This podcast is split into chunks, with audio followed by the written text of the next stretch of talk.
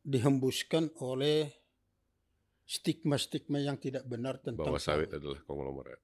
Sawit konglomerat itu memang sengaja diisukan Hmm. supaya Pak Presiden jangan Fokus. melihat petani. Ya. Karena ah, petani itu 6,88 juta hektar. Ya.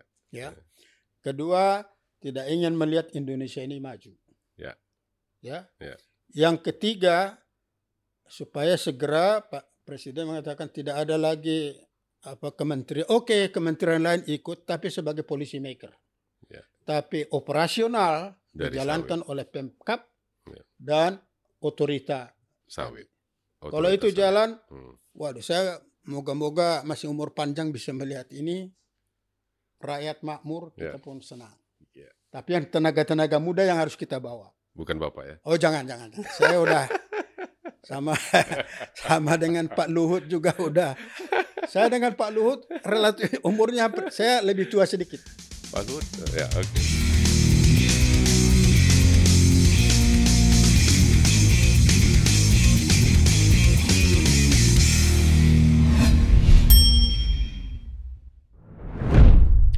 Jumpa lagi bersama saya Taga Togar Sitanggang dalam Tagar Togar Podcast. Saya masih bersama Pak Sahat Sinaga. Pada episode sebelumnya kita berbincang-bincang bagaimana sawit berpotensi sebagai byproduct ya, byproduct dari eh, dunia industri sawit karena eh, potensi dari biomasa itu bisa dikembangkan bisa menjadi energi, bisa menjadi polimer dan lain-lain dan lain-lain yang bisa eh, menggantikan devisa negara ya. Tadi Pak Sahat di episode itu eh, mem- membocorkan sedikit bincang-bincang kami sebelum kami melakukan melakukan taping. Ya. Pak Sahat, eh, kalau kita lihat ke depan, ya ada potensi atau seberapa banyak sih ya eh, sawit kita ini eh, yang kita butuhkan, ya dari sisi tanaman saat ini kita berada di sekitar 16,5 atau 17 juta hektar, produktivitas sekitar tiga setengah 3,7 eh, ton per hektar. Dan kalau dengan pengembangan eh, penggunaan biodiesel selama ini eh, B30 maupun pengembangan berikutnya B40 ataupun apa pun itu ya, berapa produksi Indonesia yang kita butuhkan sehingga juga sawit bisa juga menghasilkan atau memberikan kontribusi yang besar terhadap devisa. Pada saat ini kita devisa kita 2020 2020 sekitar 24 miliar US dollar. Untuk 2021 saya memprediksikan dan beberapa teman-teman eh, memprediksikan sekitar 30 sampai Ya. 35 juta US dollar. Nah, Ya. kalau kita pakai B30-nya terus-menerus secara konsisten, ini kan karena terjadi eh, mungkin peak level kalau kita tidak melakukan eh, pengembangan baru. Correct. Apakah kita perlu melakukan pengembangan baru untuk memenuhi kebutuhan Hmm. energi kita dalam negeri at- dan makanan untuk kita dan untuk dunia. Yep. Karena eh, untuk dunia saat ini eh, sawit itu menguasai sekitar 40% ya dari kebutuhan eh, minyak nabati dunia. Nah, kalau kita ambil untuk biodiesel kita Hmm. ya dan artinya kita juga tidak mengekspor devisa Hmm. turun. Hmm. Apakah kita perlu mengembangkan lahan sawit kita lagi atau bagaimana Pak menurut pendapat Bapak? Oke, Pak Togar. Eh, ini sebetulnya pekerjaan Bapenas ini. Ya kita kita lah Bapenasnya Pak. Oke. Atau kita kita kita suruh nanti Kita eh, orang-orang Bapenas tontonin eh, dulu. kita input lah. Iya kasih. Oke. input. Eh, prediksi saya begini. Anggap bahwa nggak usah lah muluk-muluk, kita Hmm. tetap aja B30 Mm-mm, sampai tahun 2030. mm-mm, Oke, B30. Kemudian masuk biohidrokarbon mm-mm, untuk mencapai bauran energi 23% seperti yang diharapkan oleh KEN, eh, Komite Energi Nasional. Hmm. Saya hitung eh, kita tidak perlu memperluas mhm, lahan sawit. Hmm. Jadi konsep yang disampaikan oleh mulai dari Pak eh, SBY Mhm, yaitu moratorium mhm, 2011 Hmm. terus saya kira itu dipertahankan aja. mhm. Jadi kalaupun banyak orang mengatakan supaya buka lahan baru dan lain-lain saya kira janganlah. Hmm. Nah, apa yang masih tersisa di situ adalah kebun sawit rakyat Mhm. yang luasnya itu mencapai 6,88 juta dolar. Eh juta hektar. Eh, juta ton, Oke. sorry. Hmm. Nah, kalau saya lihat perkembangan ini, ki- ki- perhitungan saya ya bahwa petani pertanian sawit kita itu Hmm. masih di level 9,2 ton tandan buah segar per hektar per tahun. Ya. Kalau eh, private sector sudah bisa mencapai 23 ton. Masih jauh. BUMN ya mungkin di level 19. Ya. Dari total itu tercapailah 47 juta ton produksi yang kita di tahun 2020 kemarin. Mhm, Mungkin tahun ini ada meningkat. mhm. Nah, kalau 9, fokus kita 9,2 ton TBS per hektar per tahun, Ya. itu yang harus kita tingkatkan.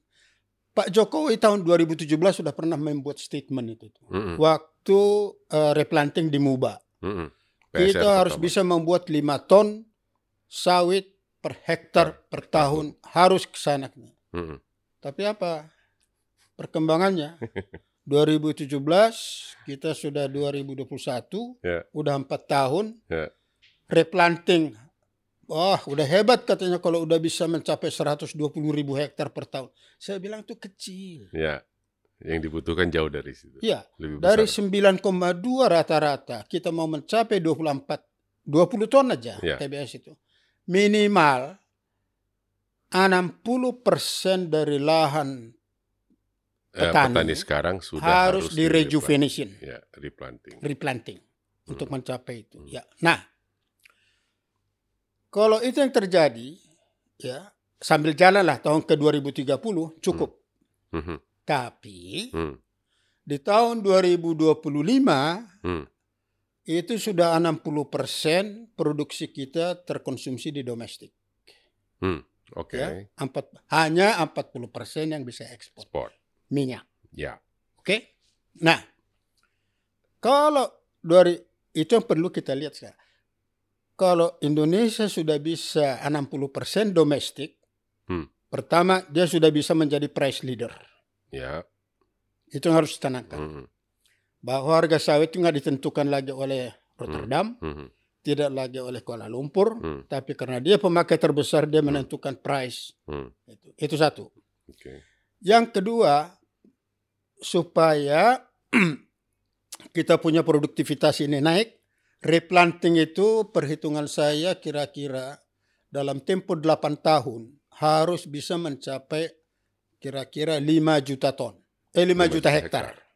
400 per tahun. 5 juta hektar itu Ya, eh, sorry. eh, dalam tempo enam- 8 tahun ya 600 enam ra- ribu. berapa ribu hektar. Ya, 600. Itulah. Ya.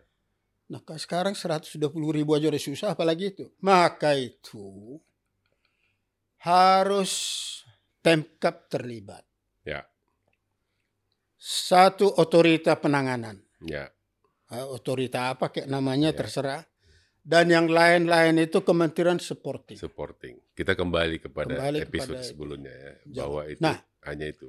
Kemudian kita hitung ya. Pak. Kalau di tahun 2025 kita memproduksi 5 juta ton sawit. Mhm, Ya CPO. mhm, 5 juta ton. Berarti biomasnya Hmm. 250 juta ton, mhm, ya kan? mhm, Kalau kita konversikan itu menjadi high value product, Hmm. katakanlah uh, 60% bisa dipakai, mhm, 40% waste. Hmm. 60% dari 250 juta Hmm. itu kan kira 125 juta mhm, kali 100 dolar. mhm. Itulah yang bisa menggantikan. Itu value-nya. menggantikan sawit ekspor itu. Hmm, Kenapa pusing? oke. Jadi jangan orang bertumpu hanya sawit. Hmm. Kalau kalau kita memikirkan secara konteks eh, pemanasan global, Pak ya, Oke, Ya, artinya menarik nih. artinya tadinya kan pada saat ini kita mengekspor itu 75% produk kita, Correct. 25% dalam negeri. Domestik. Ya. Udah bro, Domestik. 70-30 lah. Ya, 30 oke. 70 domestik 30 hmm, nah, dengan adanya biodiesel. biodiesel. Nah, dari 30 menjadi 60. Ya. Ya. Tadi saya katakan kita menguasai 40% minyak nabati dunia. Yap. Dengan adanya shifting ini, ya, 60% domestik, otomatis porsi 39% ini atau 40% ini pun akan menjadi kurang kan? Correct. Artinya siapa yang akan mereplace ini? Kita replace dengan biomass. No, Untuk enggak. Oh, minyak, untuk minyak goreng minyak. dunia, ya. kalau itu nggak ada, Soybean. silahkan aja. Nah, artinya kan konteks pemanasan global, soybean dengan produktivitas yang kurang dari satu ton per hektar, Ya, hutan mana lagi mau dibabat nih? itu pasti akan sulit. Eh. Ya, untuk memperoleh itu Ya. eh, dalam oke isunya menjadi adalah bagaimana kita memenuhi kebutuhan dunia Mhm. dalam vegetable oil Hmm. yang tumbuh kira-kira tiga setengah sampai empat persen per tahun. Saya Mhm. kira itulah, Mhm. ya kan? Mhm. Bagaimana? Hmm. Kalau itu caranya adalah, oke, sekarang Indonesia harusnya diminta oleh United Nation. Mhm. Eh Indonesia, Baik. kau punya kelebihan. Ya, oke. Cobalah segera perbaiki produktivitasmu Hmm. dan tambah. Kalau tidak, nanti akan dibabat hutan di luar negeri lebih besar Ya, untuk mendapatkan satu ton sawit. Iya. Nah, menggantikan. itulah saya Ya. kira United Nations sudah perlu mengatur. Ya, Apakah kita bisa memperluas atau bagaimana? ya. Tapi dalam konteks itu tadi, Hmm. kita kalau di 2030 Hmm. ya, kita terutama yang paling besar itu nanti dua, hampir 20 juta ton, eh 26 juta ton Hmm. sawit kita itu akan terpakai untuk energi. Hmm. Ya, Ya. betul. Kira-kira 13-14 juta ton untuk FAME, Hmm. 16 juta ton, 17 juta ton untuk eh, biohidrokarbon. Kira-kira 30 Hmm, juta ton. hmm. Nah, kalau itu terjadi memang berat. Hmm. Tapi dan kalau memang Indonesia merasa juga bagian daripada dunia dan punya kemampuan untuk menghasilkan, Hmm. kita usulkan Hmm. untuk energi Hmm. Jangan lagi pakai sawit. Hmm. Kita Pakai. pakai produk bahan trigliserida yang lain Hmm. dan itu Indonesia punya. Apa itu? Ponggam Hmm. sama namanya satu lagi pong pongamia Hmm. satu satu lagi tanaman eh, tanaman satu lagi apa namanya ada tuh Hmm. lupa saya Tapi produktivitasnya apa? bagus Hmm. Dan itu tumbuhnya di daerah timur Oke. yang gersang Hmm. ya Hmm. ponggam dan lupa saya satu lagi apa Hmm. nah tahun 2014 eh 2016 itu udah pernah dilakukan penelitian Hmm. oleh salah satu kementerian Hmm. cuma saya nggak ngerti kenapa di stop Kan la- balik-balik tadi yang kolam kolam susu tadi itu Pak. nah Kolam susu kita kan satu tahun satu tahun. Itulah kita harusnya kan Indonesia itu punya visioner lah ke sana. Oke sawit moratorium. Eh. Oke sekian yuk boleh. Nah Hmm. untuk yang lainnya ini kau cari tanaman lain apalagi yang bisa menghasilkan dengan biaya tidak boleh lebih daripada pada sawit. Sawit. Eh. Itu di daerah timur Hmm. tumbuhnya bagus sekali itu tuh. Pongamia Hmm. sama satu lagi apa lupa. Hmm. Itu tanamannya sangat Hmm. bagus. Oke. Eh, eh, artinya kan ada ya kita Ada alternatif bagi ada kita. alternatif Nah, untuk itu. ini kembali lagi. Hmm. Jadi janganlah kita hanya menggunakan teknologi dari Hmm. barat sana. Hmm. Kenapa? Dalam pemenuhan energi mereka selalu terkonsentrasi kepada selulus. Hmm. Itu logis. Hmm. Kenapa? Dari Pak Tatang pernah menganalisa itu. Karena di daerah subtropis tidak ada pohon yang berbuah, Hmm. menghasilkan buah, menghasilkan trigliserida, Oh, minyak. ah, oke. Maka mereka dari batang karena pohon-pohon sana nggak berbuah, Hmm, hmm, ya hanya menghasilkan selulus. Hmm. Di Indonesia karena tropisnya itu pohon itu banyak berbuah dan Hmm. buahnya itu banyak Bisa menghasilkan selulus. Itu yang harus kita kembangkan. Nah, dalam hal emisi karbon tadi, Hmm. ya, saya menarik eh, kondisi yang terakhir ini bahwa Indonesia telah memutuskan hubungan dengan dalam konteks eh, RID nih. RED Eh, dari Norway hanya 11 juta ton CO2 ekivalen per tahun bisa diturunkan. eh, Itu akan memperoleh sekian. hmm, Ternyata itu nggak jelas-jelas nggak keluarnya. hmm, hmm. itu baru 11 juta ton. Ya, ya. Nah, Pak Togar, Hmm. saya pernah menghitung ya. Konsep untuk petani sawit itu Hmm, sudah perlu kita rubah. hmm, Ya. Eh, petani itu jangan hanya petani menghasilkan TBS. Dia udah mulai harus inovatif menghasilkan produk lain. Karena kalau dia hanya produk TBS saja, itu ibarat kata mobil tidak bisa double gardan. hmm, kita harapkan petani itu double garden. Jadi Hmm. kalau ada tanah-tanah becek slippery, ah, dia bisa sejalan, four gitu ya. wheel drive. Hmm, ya. Itu yang harus kita provide. Hmm, Nah, saya pernah hitung Pak ya. Kalau itu dijalankan dari 6,8 juta ton areal kebun sawit petani hmm, itu bisa mereduksi 34 juta ton CO2 ekivalen per tahun. 34 Hmm. juta ton. Padahal dengan Norway hanya 11 juta aja. Inilah yang kita tapi tapi Pak balik balik ke sebentar ke Norway dan tadi Bapak katakan moratorium eh, Ya. diteruskan. Ya. Ya. Eh, dasar dari moratorium ini kan Norway itu Pak. terlepas dari itulah. ya. Kita eh, udah nggak ada. Pokoknya kita tidak hanya yang saya tertarik sering disampaikan oleh Pak eh, Mahendra Hmm. dari Wamenlu. Kita jangan euforia, kita itu berbuat. Hmm, hmm, Ya. hmm, Apakah didukung internasional atau tidak is a second question. hmm, Tapi kita terus mengarahkan ke situ. Saya tertarik itu. hmm, hmm, Ya. hmm. Bahwa, nah dengan demikian kita bisa mengatakan ke dunia ini, eh, oke, Indonesia ini betul-betul bercocok tanamnya sudah bagus. Hmm.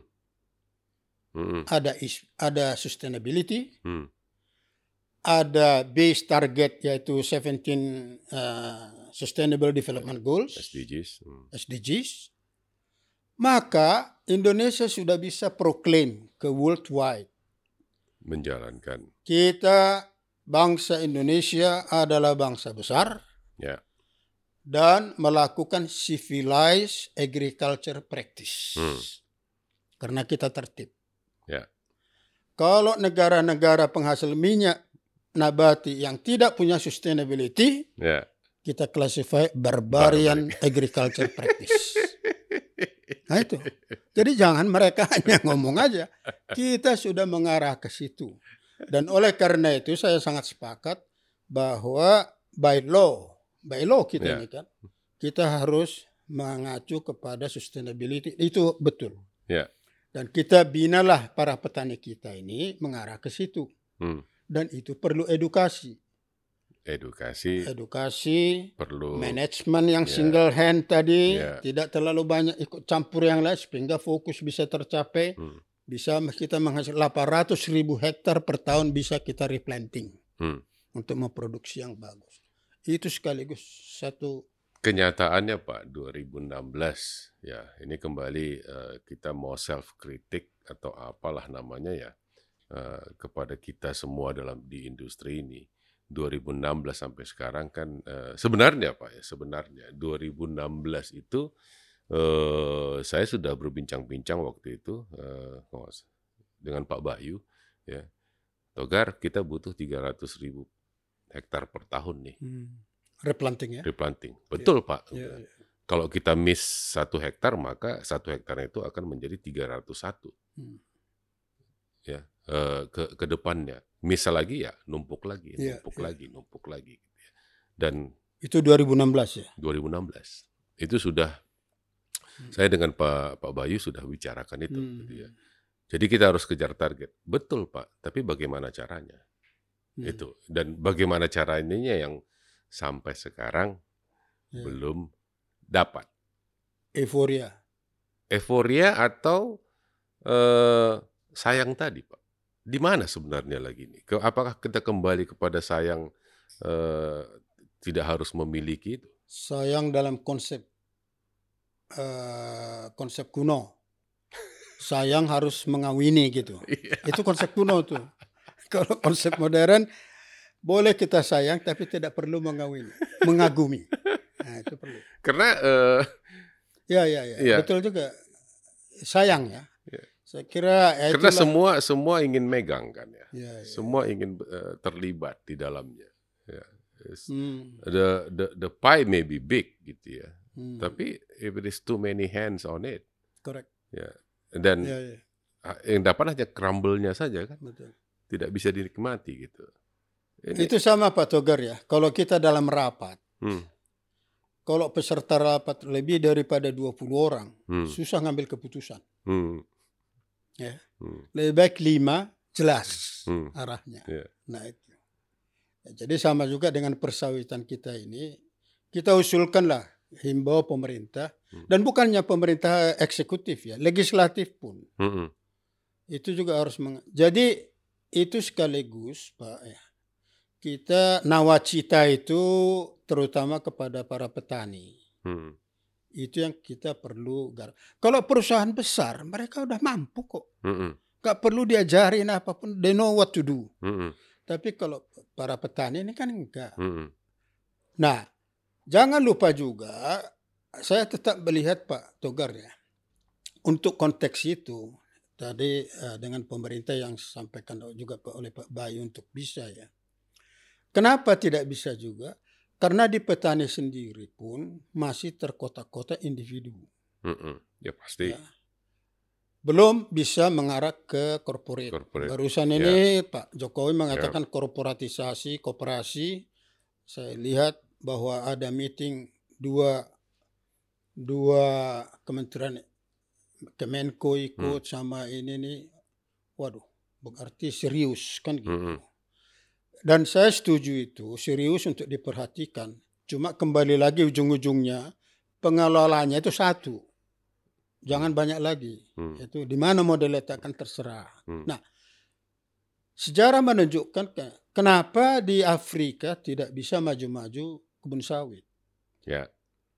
Itu aja modelnya. hmm, hmm. Karena mereka individu. Ya. Ya. Bangga 5 hektar. Ya, even di pekarangannya juga ada bangga dia. Iya. Ya toh? Nah, kita lihat itu di Malaysia gimana berhasil, ada Velda, Ya, di satu pintu semua. satu pintu. Ya. Nah, kenapa kita nggak bisa? Nah, model inilah yang perlu dihembuskan. Katanya akan ditangani oleh Bapenas. Hmm. Ya, silahkan saja. Tapi itu sebagai ide. Tapi pelaksanaannya siapa? Mm-mm. Itu satu lagi Mm-mm. rumah sawit itu Mm-mm. atau otorita atau apa. Itu yang Rumah bisa sawit, badan atau apa. atau gitu. apalah. Ya. ya. Dan kita dari masyarakat luar akan mendukung. Mm-mm. Karena dengan begitu kemakmuran itu bisa meningkat dan perbaikan kepada GDP pun langsung jelas Mm-mm. kelihatan hasilnya gitu. Dan eh, kalau berbicara, kalau berbicara petani sawit, Pak, ini kan Mm. ada banyak juga eh, apa eh, mereka pada saat menanam itu kan lebih banyak ikut-ikutan. Yes. Ya. Oh ya, saya ingat itu. Ah, saya Ya. ya ya, itu betul sekali itu. Ik- Mm. ikut-ikutan. Eh, kalau kita pelajari sejarahnya, eh, yang petani sawit pertama kan asisten kebunnya, Iya, iya, iya, iya. ya kan? Dilihatnya sana kaya dia pun ikut. Dia pun mau ikut kaya kan gitu. Benihnya dari mana nggak masalah. Iya nggak masalah. gitu Sesudah kan. empat tahun baru tahu bahwa itu baru nangis, eh, legitim, Iya. illegitim. illegitim. Ya, Jadi ya, ya. eh, itulah yang harus diedukasi saya. edukasi dan juga membuat mereka menjadi korporasi atau menggabungkan mereka dalam dalam satu badan saja itu juga butuh waktu kan pak. Ya. Ya. In- eh, tapi ya lagi-lagi mungkin quote unquote keseriusan aja kali ya yang yang kita perlu dapatkan dari seluruh pihak yang Hmm. ya balik lagi gitu pak masalah sayang tadi pak ya Eh, bolehlah dilepaskan apa Hmm. eh, keinginan itu untuk tetap berada di sana gitu biarkanlah orang yang eh, tapi ngarah ke sana ini gimana pak ya terus terang kita kalau walaupun pembicaraan ini sudah eh, kita kita munculkan di podcast ini saya dengan Pak Sahad ini udah berbicara mengenai mengenai ini udah berapa tahun kita pak ngomongin Wah. ini tiga sampai lima tahun ya Lebih. Nah, lima tahun. Saya kira mulai dari 2000, mulai Eropa. Eropa mulai sibuk dengan deforestation itu kan tahun 2007, 2006. Ya, ya. Mulai itu kita sudah berbicara untuk melihat petani. way outnya Saya gimana kira pak begini. Ini way out-nya ke ini yang harus sampai kepada Pak Presiden. Mm-mm. Ya. Saya kira Presiden barangkali selama ini dihembuskan Hmm. oleh para pembisik Hmm. bahwa sawit itu stigmanya konglomerat. Mm-mm. Ya. Hmm. Itu aja yang dihembuskan. Dan jangan lupa, orang yang anti sawit pun Hmm. akan mengembuskan itu. Mm-mm. Supaya Pak Presiden itu jangan melihat persoalan petani. Hmm. Karena kalau persoalan petani ini selesai, wah kemakmuran kita makin bertambah. Jadi banyak juga di Republik ini mungkin tidak suka kita maju besar di situ. Setuju. Karena kita jangan lupa ya, ada pak eh, ada statement yang saya kira sering kita lupakan begini. Itu saya tertarik kepada Profesor Sasunadi, Mhm. ya guru besar di ITB. Hmm. Di satu seminar dia bilang kita harus sadar bahwa Indonesia ini Hmm. adalah negara kelautan Hmm. yang ter, yang di dalamnya itu ada pulau-pulau. Hmm. Coba lihat, mindsetnya itu pola pikirnya lain. Laut yang ada pulau-pulau. Pulau-pulau. Hmm. Maka itu negara kepulauan. Ya. Oleh karena itu, Hmm. konsep pengelolaan negara kontinental Hmm. Dengan kepulauan belum tentu sama. Hmm. Jadi saya pikir iya juga ya. Hmm. Hmm. Hmm. Trias politika hanya Hmm. muncul di negara kontinental, Hmm. yaitu zaman Napoleon dulu. Hmm. Hmm. Ada legislatif, yudikatif, Kreatif, eksekutif. Hmm. Mungkin untuk negara kepulauan perlu ditambah ini. Tambah apa? Communication, Hmm. ya. Itu yang palapa itu bahwa Hmm, hmm. Indonesia satu itu belum kita terjemahkan dalam practicality dalam komponen bernegara ini. Hmm. Jadi saya usulkan waktu itu perlu ada research Hmm. untuk itu apakah konsep trias politika itu bisa kita apply begitu saja atau perlu tambahan supaya negara kita yang besar ini Hmm. yang disebut negara kepulauan ini itu betul-betul menjadi solid. Hmm. Hmm. Hmm. Tapi jangan lupa begitu kita makmur banyak juga negara yang tidak suka dianggap Atau- kita terlalu kuat. Atau memang itu tujuan utamanya Pak dari karena kan kalau kita lihat dari sawit sendiri ya eh dari sisi tenaga kerja belasan juta walaupun kita tidak tahu persis ya dari sisi eh, value dari marketnya untuk Indonesia Hmm. Kalau gampang-gampangnya kita bilang 50 juta kali kali apa eh, 1000 dolar ya Hmm. kali 14 ribu per dolar Hmm. itu kan udah 700 triliun, Pak. Ya. Value dari industri ini 700 triliun. Ya. Ya, dan Hmm. 13% devisa, bla bla bla dan seterusnya dan seterusnya. GDP 3% dan segala macam. Hmm. Kalau ini terus bisa menopang Indonesia, apalagi dengan energi tadi, biomasa dan selain-lainnya, kita kan menjadi itu Pak. Palm oil is not just food, but it's also energy. Correct. gitu ya. Dan dan kita menjadi penghasil energi terbesar Hmm. Ya, dan penghasil energi terbesar yang menguasai dunia. nabati. Ya. Ya, Atau ini eh, Ya. eh, apa? eh, saya nggak tahu. Itu itu pendapat saya udah sudah lama gitu ya. eh, menjadi eh, di situlah letak ketakutan negara-negara lain. negara-negara lain supaya jangan berkembang ini sawit Iya, ini. iya. Hmm.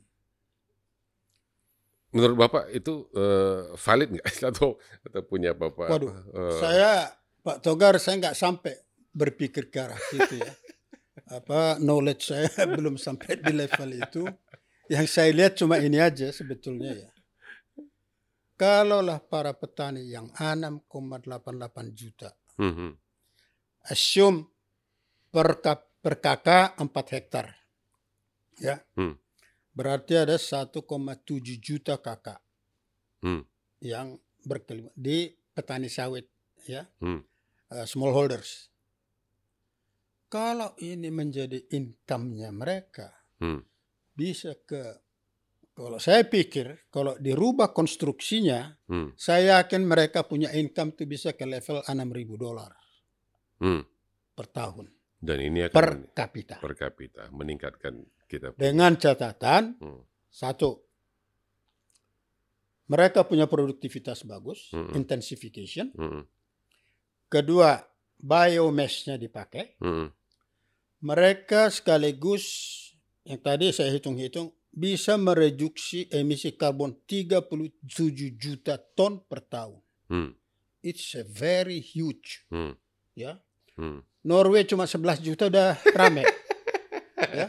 Ini 33 juta. Kenapa tidak ada yang berpikir? Hmm. Nah, kalau ini dijalankan, Hmm. yang keempat kita apply yang namanya upcycling uh, upcycling framework economy. Mhm, Artinya begini, Pak. Ada belief yang saya pikir juga betul para saintis di pertanian. hmm, Kalau dari pohon itu semua dihilangkan, Hmm. itu tidak akan bagus untuk perkebunan itu. hmm, Dan saya percaya itu. hmm, hmm, Karena satu hal saya pernah melihat salah satu perusahaan di Malaysia di Hmm. daerah Sarawak melakukan upcycling framework economy itu dia punya recycle mereka menghasilkan waste itu hmm, sebagian mereka pakai. Hmm, ini jadi kegoyang juga ini. Hmm. sebagian hanya 30% mereka return kepada eh, kebunnya mereka hmm. dalam bentuk bio eh, bio organic fertilizer. Oke, ya. Itu pemakaian pupuk drop. Drop. 20% pupuk chemicals Oke. tanah Hmm, makin subur hmm, hmm, jadi saya pikir wah produktivitas meningkat hmm, cost turun hmm. wah itulah yang tadi Inovatif tadi. inovatif tadi Ya. biomass kita pakai korporatisasi petani kita Ya. jalankan upcycling Hmm, technology, uh, rejuvenation, high productivity, makanya bisa mencapai 6.000 dolar mereka punya income per kapita. Oke. It's Very. sangat besar sekali.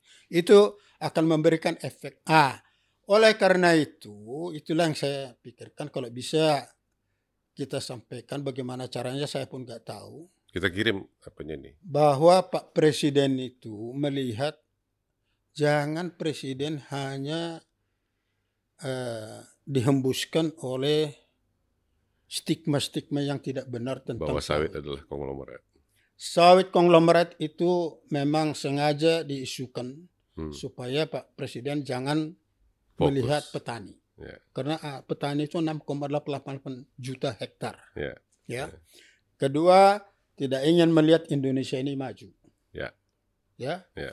Yang ketiga, supaya segera Pak Presiden mengatakan tidak ada lagi apa kementerian. Oke, kementerian lain ikut tapi sebagai policy maker.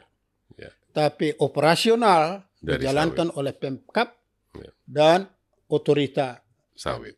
Kalau itu Otoritas jalan, sawit. Hmm, waduh saya moga-moga masih umur panjang bisa melihat ini. Rakyat makmur, kita Ya. pun senang.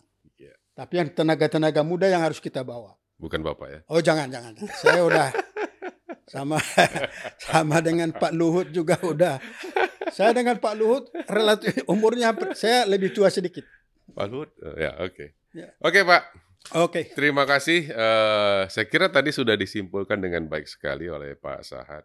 Yang pasti eh, sawit Indonesia itu potensinya luar biasa. Dan ini bisa menjadi ancaman bagi beberapa, kalau kalaupun itu menjadi ancaman, tetapi bisa menjadi hal yang bisa kita manfaatkan untuk kemajuan bangsa.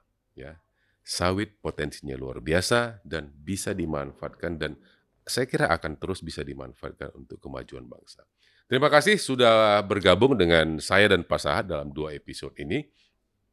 Semoga uh, kita kembali hadir di episode mendatang dengan topik-topik lain yang tidak kalah menariknya dengan apa yang kami bicarakan pada saat ini.